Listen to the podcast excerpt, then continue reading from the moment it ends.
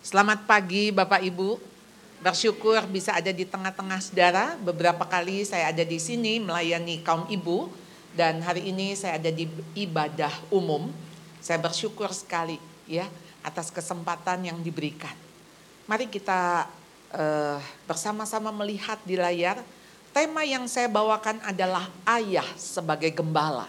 Beberapa kali saya bicara dengan ibu-ibu, ada kesempatan saya bicara tentang ayah. Saya ada di dunia parenting, Bapak Ibu selama 20 tahun lebih.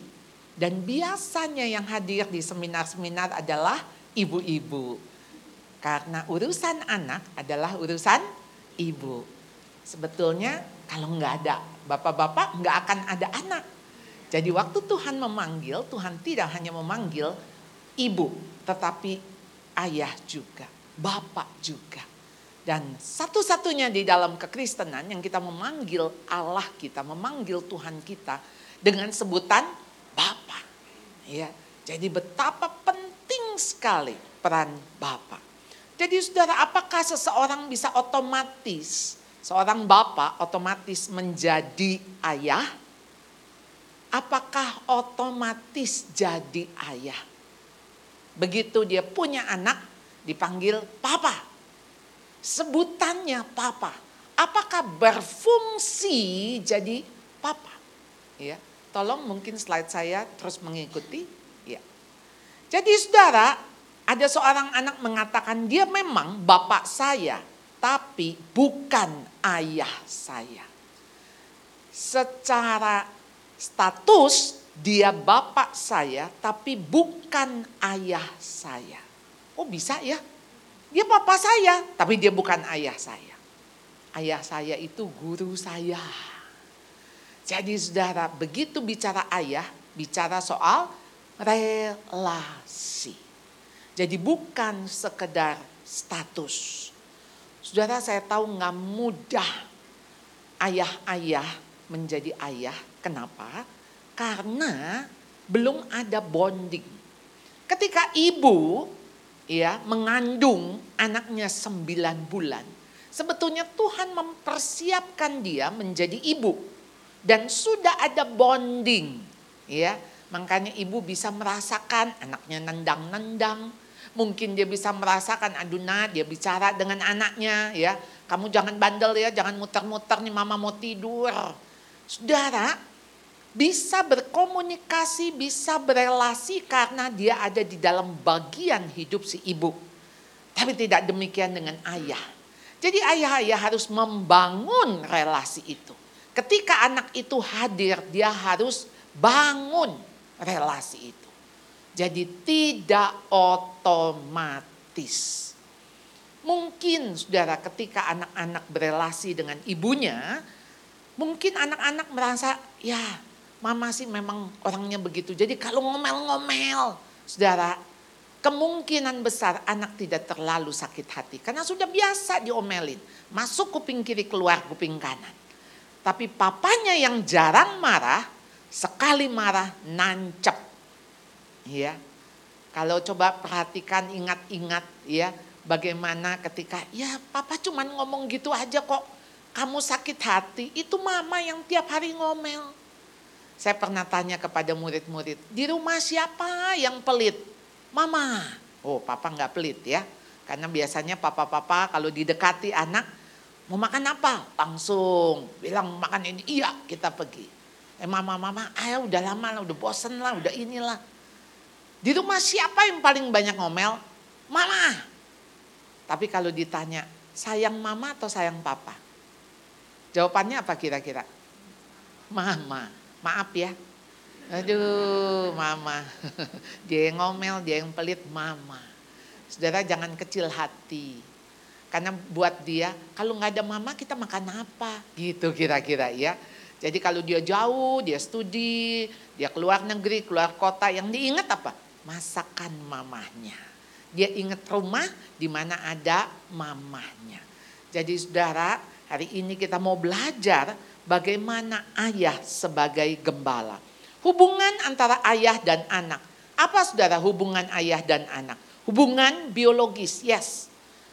Tentu mukanya mirip bapaknya. hidungnya mirip papanya, matanya secara biologis. Namun saudara, hubungan yang ada, hubungan yang menyediakan, yang memenuhi kebutuhan. Hubungan yang melindungi, dia tahu. Lapor sama siapa kalau dia terancam. Om papanya, oh papanya yang akan maju. Ya, kalau emaknya, aduh nanti emaknya cerewet, udah pusing deh ya. Jadi dia kalau sampai ini dia ngomong sama papanya. Saudara, hubungan yang bergantung pada kualitas kepercayaan dan kesetiaan itu ada di papa, ada di ayah, saudara. Saudara, waktu anak saya menikah, saudara ya, uh, anak saya nulis surat kepada saya. Waktu dia nulis surat kepada kami ya, saya sendiri, papanya sendiri. Wah dia nulis surat, thank you ya mam, udah besarin aku, thank you ya, thank you, thank you, thank you. Sampai selesai thank you. Oh iya iya. Kemudian saya nengok surat ke papanya kayak apa. Wow lain. Pah, aku mau jadi seperti papa. Aku bangga jadi anak papa. Aku satu hari kalau aku punya anak, aku akan meneladani papa. Saya bilang kok lebih bagus itu ya daripada sini kok sini cuman thank you aja ya. Ya kan ini anak laki, saya punya tiga anak laki saudara ya. Ya kan nggak mungkin aku mau jadi seperti mami. Ah nggak mungkin juga. Jadi saudara saya tahu betapa kebanggaan anak itu kepada ayahnya. Karena dia percaya. Saudara kalau acara-acara di sekolah yang hadirkan kebanyakan ibu-ibu tapi begitu anak melihat papanya hadir, saya itu ngelihat sinar matanya berubah. Seperti berbinar-binar. Jadi kalau dia jalan, dia lihat-lihat, lihat. Eh, itu ada papanya. Wah wajahnya lain sekali. Ya kalau mamahnya udah biasa, tiap hari mamahnya ada di sekolah ya. Tapi begitu papanya datang ke pertandingan, ke perlombaan, ke pementasan, itu ada rasa yang berbeda saudara. Kenapa saudara? Memang anak membutuhkan ayahnya untuk dia bisa percaya. Sudah dia percaya pas kepada mamanya. Karena apa saudara? Ya mama-mama kira-kira kalau diminta mengorbankan nyawa. Sudah dibuktikan waktu dia melahirkan. Waktu dia membesarkan. Tapi ayah-ayah masih dicari buktinya. Apakah papa tepat nggak janjinya? Jadi saudara saya tahu pekerjaan ayah tidaklah mudah. Alkitab banyak bicara tentang ayah. Jadi masalah yang sekarang adalah soal ketidakhadiran ayah dalam proses pendidikan anak di rumah justru menjadi problem keluarga masa kini. Di mana ayah? Nggak ada di luar. Cari uang pagi-pagi pulang malam. Saudara anak tidak merasakan kalau dia punya ayah. Dia tahu nih punya ayah, tahu punya papa, tapi tidak merasakan. Jadi bukan soal kualitas atau soal kuantitas waktu. Tapi apakah waktu yang dipakai itu untuk mempererat hubungan. Kembali lagi tujuannya adalah hubungan. Jadi hubungan ayah dan anak harus dilandasi saling percaya. Saling percaya. Anak percaya papanya, papanya percaya anaknya. Saudara saya tahu ini nggak mudah saudara ya. Untuk bisa percaya. Apalagi orang tua banyak tanya saya. Gimana bu kalau anak tidak bisa dipercaya. Saudara anak nggak bisa dipercaya. Ya dia juga lagi latihan untuk bisa dipercaya. Please waktu memberikan 100% jangan harap dia bisa 100%. Sudah kasih tahu pulang ya nanti jam 9. Iya Pak sebelum jam 9 aku sudah pulang. Kita di otak harus siap dia pulang jam setengah 10. Ya, Kenapa saudara? Memang dia sedang latihan bagaimana dia bisa dipercaya. Saudara harus berikan, latih dia saudara. Anak yakin dia mengetahui merasakan dirinya kalau dia diterima, kalau dia dimiliki, kalau dia dikasihi saudara saat dia apa? Gagal. Saudara di dalam buku saya Learning to Stop saudara, saya membawa buku itu saudara nanti kalau saudara senang baca, suka baca, suka belajar, saudara boleh mendapatkan buku itu. Saudara, saya pernah menonton satu film. Jadi satu hari anak ini saudara minta izin sama papahnya untuk lihat ada KKR. Zaman dulu saudara KKR itu di tenda gitu ya.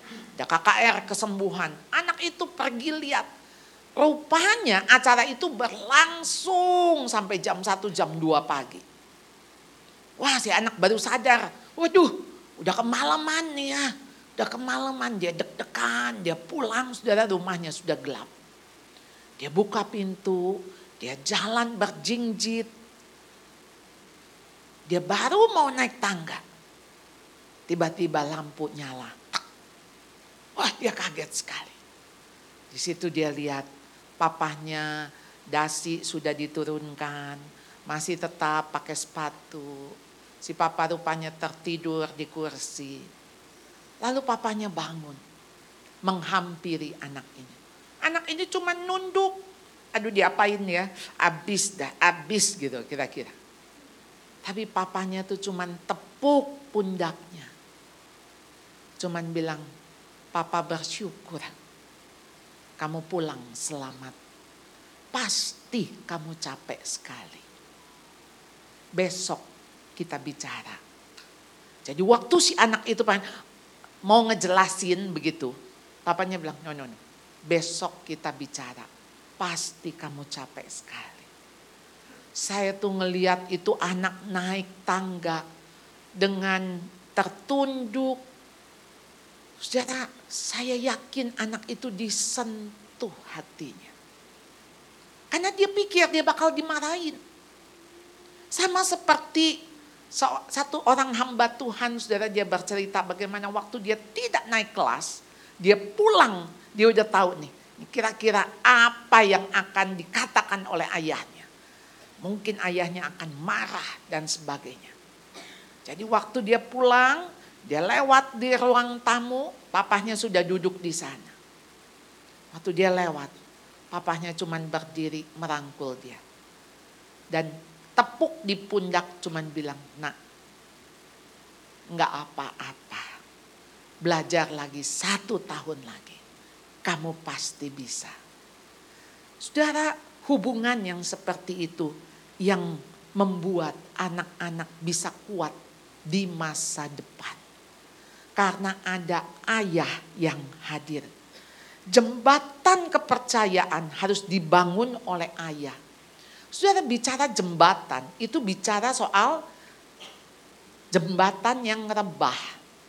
Saudara jembatan tuh nggak bisa berdiri. Kalau jembatan berdiri nggak bisa dipakai, saudara. Jembatan itu harus rebah. Jembatan itu harus diinjak, saudara. Untuk nyambungin dari ujung sini sampai ujung sana. Bagaimana saudara bisa menjembatani hati anak kalau saudara nggak bersedia untuk diinjak? Saya harus kasih quote unquote. Gimana saudara mau nyambungin kalau saudara nggak mau rebah? Dan saudara di situlah anak menumbuhkan rasa aman. Secure bahwa papanya mengasihi dia. Jadi sekarang kalau ada pertanyaan saudara, klunya Gimana saya tahu anak saya dekat sama saya? Kalau anak berani menceritakan kegagalannya. Kalau anak berani menceritakan kesalahannya kepada papanya. Berarti anak percaya kepada bapak. Tapi kalau dia ngomong sama mamanya, mah jangan ngomong-ngomong sama papa. Jangan sampai papa tahu. Berarti dia tahu hubungan sama papahnya itu tidaklah dekat. Berarti dia tahu papahnya bisa mengancam. Apakah anak akan datang minta nasihat kepada Anda? Dia berani enggak minta nasihat? Dan apakah ayah sebagai gembala bagi anaknya? Saudara mari kita bersama-sama melihat Mazmur 23.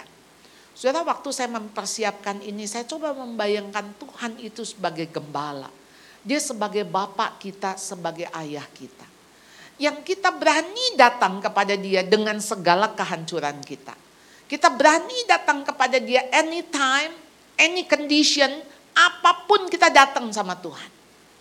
Iya Tuhan, Tuhan gembala saya. Tak akan kekurangan saya. Lalu apa yang dilakukan? Ia membaringkan aku di padang yang berumput hijau. Ia membimbing aku ke air yang tenang. Ia menyegarkan jiwaku. Saudara ini yang dilakukan oleh seorang gembala. Saudara saya membandingkan saudara, gembala apa yang harus dilakukan? Yang pertama dia melindungi. Bukan merundung. Ketika dia membaringkan ke rumput yang hijau, dia membimbing ke air yang tenang, ia menyegarkan jiwa. Dia bukan sedang merundung. Saudara tahu merundung? Kata merundung itu bully, saudara. Jadi kalau sekarang ini bullying marak di mana-mana itu disebut perundungan. Jadi merundung itu membuli. Bagaimana saudara ketika membandingkan? Saudara bukan membaringkan. Dia istirahat, tenang. Tapi saudara membandingkan. Saudara ketika dibandingkan tuh enak nggak? Nggak enak saudara. Tapi kita itu dibesarkan dengan kritikan yang terus menerus dibandingkan. Kok kamu nggak kayak koko kamu? Kenapa kamu nggak kayak adik kamu? Saudara saya punya cici itu yang baik ya. Jadi saya tuh ingetan saya sejak kecil itu cici saya itu yang dipuji-puji karena baik, sabar, suka senyum, ramah. Sedangkan saya saudara penggambarannya bisa kebayang kebalikan. Judes, suka iri, marah-marah gitu. Jadi dari kecil saya tumbuh dengan gambaran diri yang buruk. Lalu akibatnya apa? Saya benci sama cici saya karena dia bagus, karena dia baik. Kan karena dia bagus saya jadi jelek. Coba dia lebih jelek dari saya, saya jadi kelihatan bagus. Jadi saudara, saya melihat cici saya, aduh kok baik amat sih, aduh kok diem aja, aduh kok nggak marah sih gitu. Jadi itu yang saya lihat pada diri dia. Saudara jadilah jiwa saya, jiwa yang memberontak. Karena apa? Karena pembandingan itu. Tante-tante saya kalau datang bilang, kamu nggak kayak cici kamu ya? Kamu nggak kayak cici kamu ya? Saudara kalimat itu, aduh kalau boleh saya nggak dengar. Bukannya saya niru cici saya, bukannya saya meneladani cici saya, Justru saya benci sama cici saya saat itu. Saudara waktu kami sempat, saya tiga saudara cewek ya. Jadi kami itu enam, tiga laki, tiga perempuan. Satu saat di Desember tahun lalu adik saya dari Brisbane datang. Jadi saya kumpulin kita tiga perempuan. Iya, tiga perempuan, kita ngobrol, makan ya. Saya curahkan isi hati saya. Saya bilang waktu kecil sebetulnya saya iri sekali sama kamu. Saya bilang karena cici saya tuh nggak pernah dimarahin, anaknya baik, rajin, pokoknya tuh udah top, top, top, top. Lalu dia bilang begini, ini yang saya nggak juga. Gue tuh sebetulnya iri sama lu. Hah? Kok bisa? Gue tuh diomelin melulu. Iya, tapi waktu gue kecil, ya, gue mau pergi ke mana-mana nggak dikasih. Tapi lu mau pergi ke mana-mana dikasih. Saya nggak tahu kenapa dikasih, apa bohwat, apa-apa, biarin deh ya mau hilang-hilang kali gitu ya. Saya ingat saya tuh ke rumah emak saya di Cikupa. Harus tiga kali ganti naik bus, naik angkot gitu ya. Waktu itu oplet ya. Jadi ada oplet, ada angkot, ada apa. Tiga kali dari Bandengan ke Grogol, dari Grogol ke Tangerang, dari Tangerang ambil yang Belaraja. Dilepas sama mama saya. SD, saya juga baru ingat iya ya. SD udah dilepas. Lu boleh pergi, gua nggak boleh pergi. Kenapa juga ya, saya kok dikasih pergi. Saya nggak kepikir tuh yang bagian itu. Rupanya cicinya, cici saya bilang gitu. Soalnya mami tuh percaya sama lu. Pasti pulang katanya. Kalau ke gua mungkin belum pulang. Lah gua arah aja kiri kanan. Gua bingung. Ya memang saudara ya cici saya juga bingung dengan arah. Kalau saya mah arah udah mau angkot apa juga saya tahu kiri kanan. Oh trayeknya ke sini. Jadi saudara kita itu karena dibandingkan. Sebetulnya kita merasa nggak ada yang lebih baik. Bayangin saudara, sekarang kalau nih misalnya ya, kita punya dua anak ya. Si anak sulung sama anak bungsu ya. Anak sulung siapa? Si Alung ya, si Alung ya. Anak bungsu si Abung deh ya, jangan si Asu ya. Uh -uh. Alung sama si Abung. Si Alung sekarang, waduh pinter. Tapi badannya cungkring, kecil, nggak suka makan, tapi pinter. Si Abung, badannya gede, ya doyan makan, tapi otaknya lemah, ya lemah otak lemot. Saudara apa yang dikatakan bapaknya? Lung, lu mah payah, pinter juga, nggak kayak adik lu. Badannya bagus, gede. Lu mah ditonjok orang melayang, habis dah. Makan dong, ya olahraga supaya badan six pack gitu. Lalu ke Abung ngomongnya apa? Bung, percuma lu badan gede juga kalau otak kosong. Tuh kayak koko lu tuh. Otaknya begini. Ya. Saudara, ada pujian dari orang tua ini? Enggak ada. Enggak ada. Waktu mereka besar, si Alung akan bilang, Bung, papa mah sayang lu. Karena lu yang dipuji-puji, badan lu gede. Enggak, papa sayang lu. Karena lu pintar. Gua disuruh kayak lu pintar. Si kokonya bilang, gua disuruh kayak lu gendut. Dua-duanya tidak merasa disayang. Saya ngalamin saudara, waktu anak saya tiga ditanya sama teman saya. Teman saya cerita, gue tanya anak lo yang pertama, mami paling sayang siapa? Tuh dede yang kedua. Karena anak saya yang kedua tuh sering sakit-sakitan, agak lemah. Lalu kemudian yang kedua, mami paling sayang siapa? Tuh yang kecil. Begitu ditanya yang kecil, mami sayang siapa? Koko dong. Ya ampun itu tiga anak, nggak ada yang berasa disayang. Semuanya nunjuk orang lain. Saudara please, memang kita harus membaringkan. Kalau saya mau ngomong, terima aja apa adanya si anak. Diterima apa adanya, bukan ada apanya. Jangan membandingkan, apalagi mempertandingkan. Ini rumah, bukan arena.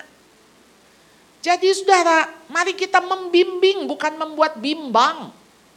Ya, ke air yang tenang, bukan bikin tegang.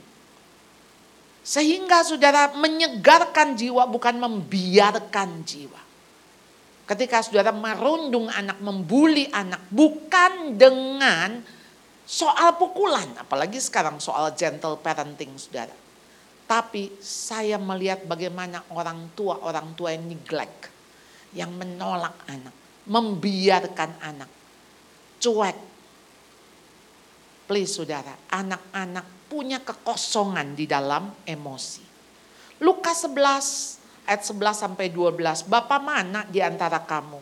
Jika anaknya minta ikan akan memberinya ular sebagai ganti ikan. Atau jika ia minta telur akan memberinya kala jengking. Bapak yang di dunia saja itu memberi makanan yang baik. Dia tahu kebutuhan anaknya. Oleh karena itu seperti Bapak sayang kepada anak-anaknya Demikian Tuhan sayang kepada orang-orang yang takut akan dia. Saudara sayang kita dari mana? Mungkin kita punya bapak, apalagi bapak zaman dulu.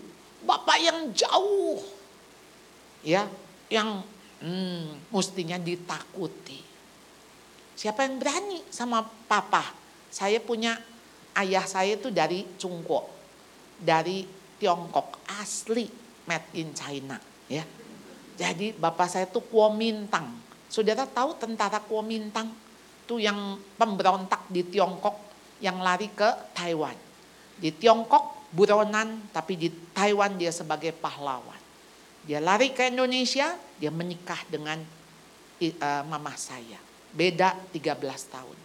Papa saya meninggalkan istri dan dua anak di Tiongkok. Menikah dengan ibu saya yang baru umur 20, papa saya 33 tahun. Bapak saya tentara. Kalau ngomong saudara, satu, dua, tiga, pokoknya ada poin. Itu yang saya ingat. Ya, kadang saya nggak ngerti dia ngomong apa. Ya, karena di rumah kami bahasa Indonesia. Mama saya pendidikan Belanda, bapak saya dari Cungko asli Hokcia. Ya, saya cuma ingat omelannya. Ya, karena kata-kata itu yang diulang kalau dia ngomel. Ya, walaupun saya nggak ngerti artinya. Saudara bapak saya, bapak yang boro-boro bisa peluk kita. Enggak pernah saya dipeluk. Enggak pernah.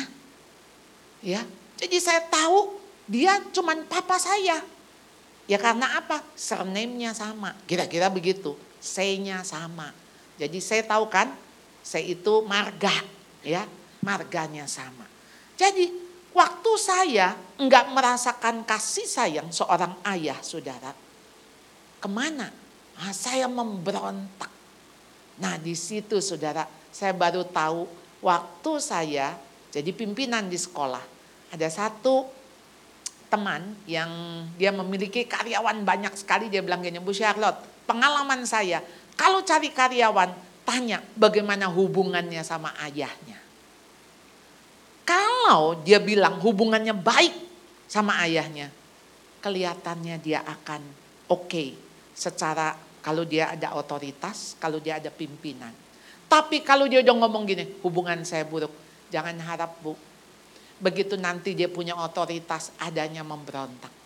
Tapi saya perhatikan ya, iya ya setelah saya konseling guru-guru saya, oh iya nih kalau ada masalah ini dia nih sama pimpinan, biasanya dia punya masalah dengan ayahnya. Jadi saudara, kenapa hubungan itu menjadi sangat penting? Karena for the next, for the future. Jadi jangan menghakimi seseorang hanya karena dia melakukan dosa yang berbeda dari Anda. Saudara begitu banyak ayah-ayah menghakimi anaknya. Kamu begini, kamu begitu. Hanya karena dosa yang berbeda. Jika engkau sibuk mencuci kaki sesama. Engkau tidak punya waktu untuk melempari mereka dengan batu. Jika engkau sibuk mencuci kaki, artinya melayani, mengasihi, membimbing anakmu, engkau nggak punya waktu untuk mengkritik dia, untuk menghakimi dia, untuk membuli dia. Saudara punya pilihan. Pilihan saudara mau apa? Mau melindungi atau mau merundung dia.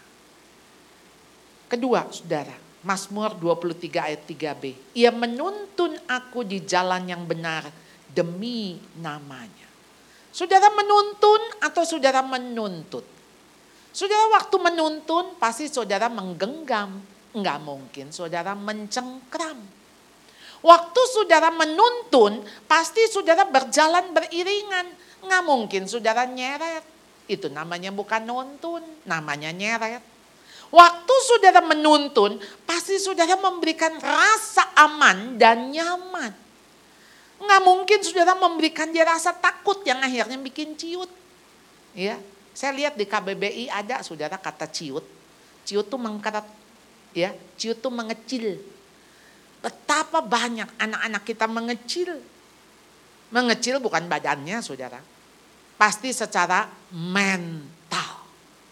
Saya ketemu dengan anak-anak yang gak berani ngomong. Kalau ngomong suaranya kecil. Saya ketemu anak laki-laki yang gak bisa lihat mata saya. Selalu nunduk ngomong nunduk. Sekarang saya menangani satu anak laki, saudara. Umur 32 tahun. Dia S2 lulus dari luar negeri. Graduate-nya cum laude. Beasiswa. Tapi sekarang dia nggak berani kerja. Kesian sekali, saudara. Saya bilang, kamu itu pintar loh. Enggak juga sih, Bu kamu tuh lulus IP kamu cum laude. Ya itu kebetulan. Gimana kebetulan? Kamu tuh beasiswa. Banyak kok bu yang beasiswa. Lalu ketika saya bilang, ayo kirim surat lamaran. Ada satu yang panggil dia, perusahaan yang panggil. Wah sehari sebelumnya dia nggak bisa tidur. Pada hari H dia cuma bilang sama saya, bu saya nggak sanggup. Saya bilang kamu belum datang bagaimana kamu bilang nggak sanggup. Gimana kalau saya ditolak? Bagaimana kalau saya nggak diterima? Enggak apa-apa. Enggak apa-apa. Ayo. Tapi dia nggak berani saudara. Sekarang itu dia ngelesin anak-anak. Saudara saya bukan mengecilkan, dia ngelesin anak-anak beberapa anak. Bukan mengecilkan enggak apa-apa. Itu juga pekerjaan mulia, apalagi kamu kalau bisa menginspirasi. Tapi saya tahu bukan tempatnya di situ. Kamu S2 kimia. kamu punya potensi dan sangat smart. Tapi saudara hubungan sama ayahnya buruk sekali. Bertahun-tahun dia nggak ngomong. Sama mamahnya juga. Sekarang PR-nya cuma saya memperbaiki dia sama mamahnya. Karena papahnya pergi meninggalkan keluarga ini. Dengan orang lain. Itu luka yang sangat dalam saudara bagi anak-anak. Saudara kalau mau selingkuh, saudara bukan hanya selingkuh dengan istri saudara, saudara selingkuh dari keluarga saudara, termasuk anak-anak saudara. Berarti saudara bukan hanya meninggalkan istri, tapi meninggalkan anak. Bukan hanya meninggalkan, merusak. Merusak anak. Tolong kalau rusak cuma diri aja gitu. Tapi saudara begitu rusak, saudara tuh ngerusakin yang lain. Itu jadi kenapa begitu kita sudah menikah, kan kita udah bukan sendiri lagi, kita udah sebagai suami. Begitu kita punya anak, kita sebagai ayah. Itu ngikut tuh peran sebagai suami, sebagai ayah itu ngikut. Jadi kalau kita rusak, maka rusak seluruh peran kita. Kalau peran kita rusak, maka kita ngerusak orang-orang di sekeliling kita. Sudah sekalian, di sekolah ya sudah puluhan tahun. Jadi itu saya konseling anak-anak, konseling orang tua. Saudara saya cuma ikut menangis dengan mereka. Ikut nangis dengan mereka. Berapa banyak anak yang mau bunuh diri, saudara. Saudara saya punya murid itu cutting-cutting. Sampai udah kayak barcode. Barcode, saudara. Itu dari ujung sini sampai ujung sini. Lalu waktu anaknya cutting, papanya kasih pisau. Mau mati? Gak bisa mati begitu mah. Nih pisau nih, pisau. Saya waktu dengar itu saya panggil papanya. Saya bilang, Bapak, Bapak beneran nih mau anak mati beneran? Ya enggak sih bu, tapi saya emosi. Saya kayak ditantang. Apa yang ditantang pak? Dia itu lagi menyakiti dirinya, bukan lagi nantang Bapak. Sampai saya bilang, ayo Pak, Bapak mesti berobat. Bapak mesti bertobat dan berobat. Udah nggak ada cara lain buat nyelamatin anak Bapak, saya bilang. Jadi saudara, ayo saudara menuntun, bukan sedang menuntut. Saya tahu kenapa ayah-ayah menuntut, karena dia nggak bisa mencapai apa yang dia mau. Jadi dia akan ngomong sama anaknya, kamu harus begini, kamu harus begitu. Karena nggak melihat diri kita yang gagal. Saudara saya bicara tentu ketika saya menghadapi murid-murid yang mereka itu mengalami ya tuntutan dari orang tua. Ada murid saya delapan setengah pulang nangis. Kenapa? Jelek. Kata siapa? Kata papa mama saya jelek. Lu saya pengen lihat rapotnya saudara. Rapot mama papanya. Kalau segitu jelek rapot mama papanya berapa ya? Kamu dapat berapa? 8, eh 8 bukan 9. Dapat berapa? 9, eh 9 enggak 10. Dapat berapa? 10. Ya udah mestinya begitu. Karena nggak bisa lagi saudara. Kenapa nggak ada apresiasi? Itu tuh pujian kok mahal amat. Pujian, peneguhan kok mahal. Kenapa saudara acungin jempol pelukan? Ayolah. Ayo saudara kita memang tidak dibesarkan di atas pujian. Tadi saya sudah katakan kita dibesarkan di atas kritikan. Jadi saudara Efesus 6 ayat 4. Hai bapak-bapak janganlah bangkitkan kemarahan anak-anakmu tetapi didiklah mereka di dalam ajaran dan nasihat Tuhan.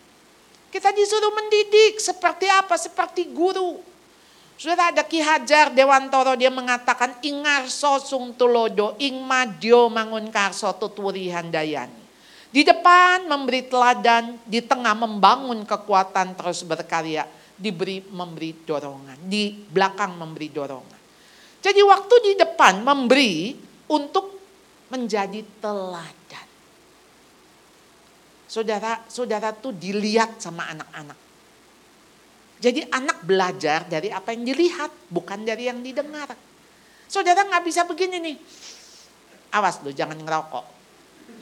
Awas kalau gue lihat ngerokok. Nggak bisa saudara anak tuh melihat saudara. Bukan belajar dari yang didengar. Jadi saudara melakukan apa ya itu yang anak lakukan. Saudara mau anak jangan marah, ya saudara jangan marah. Jadi jangan bilang awas loh, jangan marah. Ih bapaknya sendiri marah. Gimana ya? Kalau papa boleh, kamu nggak boleh.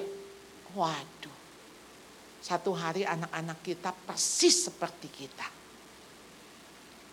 Nah di tengah apa saudara? Di samping mendampingi, mengajarkan bagaimana hidup. Mendampingi anak. Lalu di belakang mendukung. Saya pakai kata ikut memikul. Di belakang tuh saudara-saudara mau gendong anak nggak? Waktu anak gagal. Di mana saudara? Ada seorang ayah bilang sama saya sehari sebelum terima rapot, Bu saya mau tahu anak saya naik nggak? Kenapa Pak? Ya kalau dia naik besok saya datang. Kalau besok nggak naik ya saya nggak datang. Saya bilang justru mesti datang Pak saat anak itu gagal. Di mana pundak yang dia akan taruh kepalanya?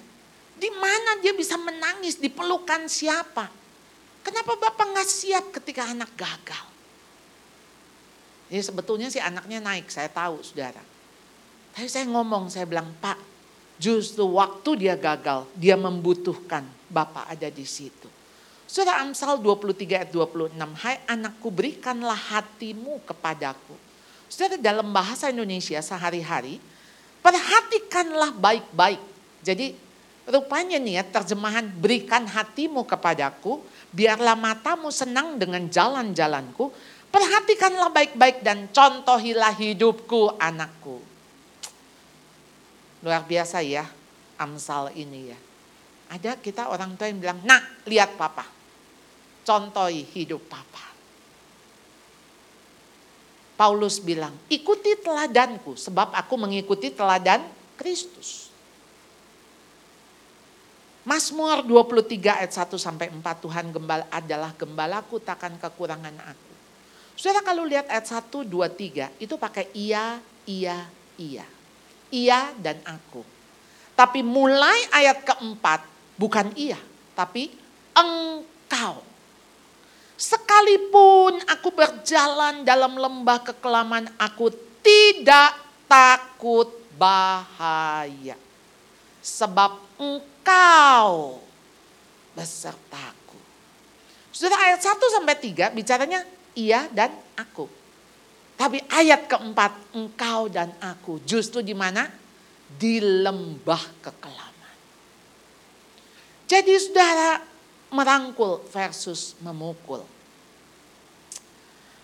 Menyertai dalam lembah kekelaman.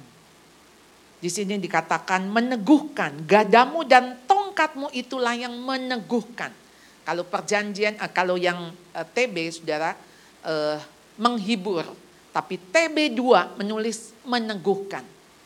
Saya kok lebih senang dengan kata meneguhkan.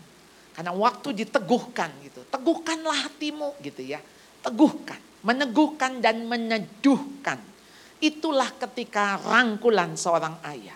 Bukan memukul, memukul itu sekarang anak-anak saya yakin kok anak-anak sekarang lebih banyak nggak dipukul oleh ayah, betul? Anda bukan ayah yang memukul ya, bukan abuse ya. Walaupun dulu kita dipukul. Ada di sini yang orang tuanya nggak pernah mukul dulu. Ada. Oh, berarti dipukul semua ya? Sama ya. Uh-uh. Saya juga dulu dipukul, disabet ya. Pakai kemoceng, pakai gebukan kasur dulu mah. Ya, rotan, saudara. Anak sekarang nggak ada, saudara. Kenapa, saudara? Wah, kalau Anda mukul, dia lapor KPAI, ya kan? Dia tulis nanti di dia email, waduh, repot, saudara ya. Tapi memang udah bukan bukan zamannya, bukan masanya. Jadi sudah memukul konteks ini ketika meninggalkan anak dalam kegagalan kesalahan dan menyalahkan. Jadi konteksnya apa saudara? Tentu saja ketika anak salah harus diajar. Ibrani 12 ayat 7, di manakah terdapat anak yang tidak dihajar. Saudara kata dihajar ini kata aslinya disiplin. Dihajar di dalam hajaran itu harus ada ajaran. Kalau cuman menghajar itu saudara balas dendam. Saudara menghajar ya, tapi di situ justru saudara mesti mengajar. Jadi menghajar apa? Hatinya, hati anak saudara. Hati anak. Supaya apa? Dia bertobat. Karena apa? Ayat 11 mengatakan memang tiap-tiap didikan pada waktu diberikan tampaknya tidak mendatangkan sukacita tapi duka cita. Nggak ada yang suka dengan disiplin. Disiplin mendatangkan duka cita. Namun didikan itu menghasilkan buah kebenaran. Yang apa saudara? Yang memberikan damai. Jadi menghasilkan buah kebenaran yang memberikan damai. Disiplin yang benar justru membuat relasi itu damai. Anak merasa dicintai, anak merasa dididik, anak merasa dikasihi karena dia tahu orang tuanya mau dia benar. Disiplin dunia itu penjara ada seorang pemuda di penjara dia menulis surat. Mah, harusnya aku di penjara sama-sama mama. Karena waktu aku kecil, aku curi sepeda tetangga. Waktu tetangganya datang, mama yang ngumpetin sepedanya. Waktu aku nggak naik kelas, mama yang datang ke sekolah karena mama marahin kepala sekolah, jadi aku akhirnya naik kelas. Aku bagaimana, bagaimana, mama yang membela. Dan sekarang aku ada di penjara, harusnya mama bersama dengan aku. Saudara, buah kebenaran karena apa? Kita nggak mau anak-anak kita hidup di luar kebenaran. Jadi saudara hai bapak-bapak, janganlah bangkitkan kemarahan anak-anakmu. Jadi mendidik anak bukan untuk membangkitkan kemarahan. Untuk dia memiliki buah kebenaran. Jadi hai bapak-bapak, janganlah sakiti hati anakmu. Jangan membuat tawar hatinya. Tawar tuh plain saudara ya. Tawar tahu nggak saudara, udah kayak nggak ada antusias, nggak kepengen hidup, aduh tawar deh. Hidup boleh, mati boleh, hidup boleh gitu. Itu anak yang tawar. Saudara, dari mana anak itu tawar dan sakit hati? Dari marah. Jadi saudara jangan bikin anak marah. Saudara tentu marah, saudara mesti marah yang berguna. Bukan marah-marah. Marah saudara yang tidak berguna akan membuat anak sakit hati. Kalau sudah sakit hati anak benci. Kalau udah benci anak akan dendam dan dendam itu akan jadi pahit. Saudara, ada kisah ya seorang anak laki-laki jadi anak ini ayah ibunya sering tengkar akhirnya divorce. Lalu setelah divorce mamanya nikah lagi sama ayah tiri. Ayah tiri ini dari suku yang berbeda. Wah, abuse mamanya, pukulin mamanya. Dia benci sekali dengan ayah tirinya, lebih benci daripada ayah kandung. Lalu waktu dia sekolah, dia kuliah, ada gurunya yang sukunya sama dengan papa tirinya. Saudara dia mendam kemarahan itu. Dia marah sama ayah tirinya, dia marah sama gurunya. Saudara tahu dia balas dendam ke 6 juta suku ayah tiri sama gurunya. Sudah tahu dong siapa? Yes, Adolf Hitler. Lihat muka waktu bayi mah imut-imut. Nggak ada kita ngelihat bayi, ini gede jadi pembunuh nih gede. Nggak ada saudara. Saudara melihat bayi, nggak ada saudara yang lihat nanti gedenya jadi apa saudara? Nggak ada. Tapi rusaknya di mana? Waktu dia remaja. Sampai dia dewasa. Ibrani 12, 15. Jagalah supaya jangan ada seorang pun menjauhkan diri dari kasih karunia Allah supaya jangan tumbuh akar yang pahit yang menimbulkan kerusuhan dan mencemarkan banyak orang. Kalau di dalam Ibrani 12:15 TB2, jagalah supaya jangan ada seorang pun kehilangan anugerah Allah. Kenapa Saudara kita tuh perlu anugerah kasih karunia day by day. Dan dia memberikan every morning. New mercies every morning. Tiap pagi anugerahnya baru. Supaya apa? Kepahitan kita saudara terhadap masa lalu. Ayo saudara kasih karunia Allah, pengampunan Allah. Itu akan pelan-pelan.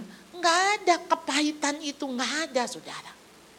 Saudara harus menerima pengampunan Allah untuk saudara bisa mengampuni orang tua kita dulu. Saudara rangkulan atau pukulan.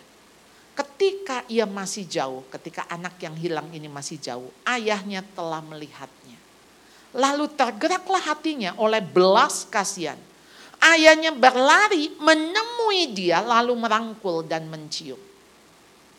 Saudara merangkul mencium anaknya ini baru dari kandang babi. Ya, pasti saudara bau babi betul.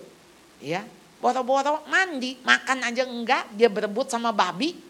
Bagaimana saudara ayah ini merangkul, mencium. Dan dia yang nungguin anak ini kapan pulang. Bukankah itu yang dilakukan Kristus kepada kita? Yang walaupun dalam rupa Allah, dia tidak menganggap kesetaraan dengan Allah itu sebagai milik yang harus dipertahankan.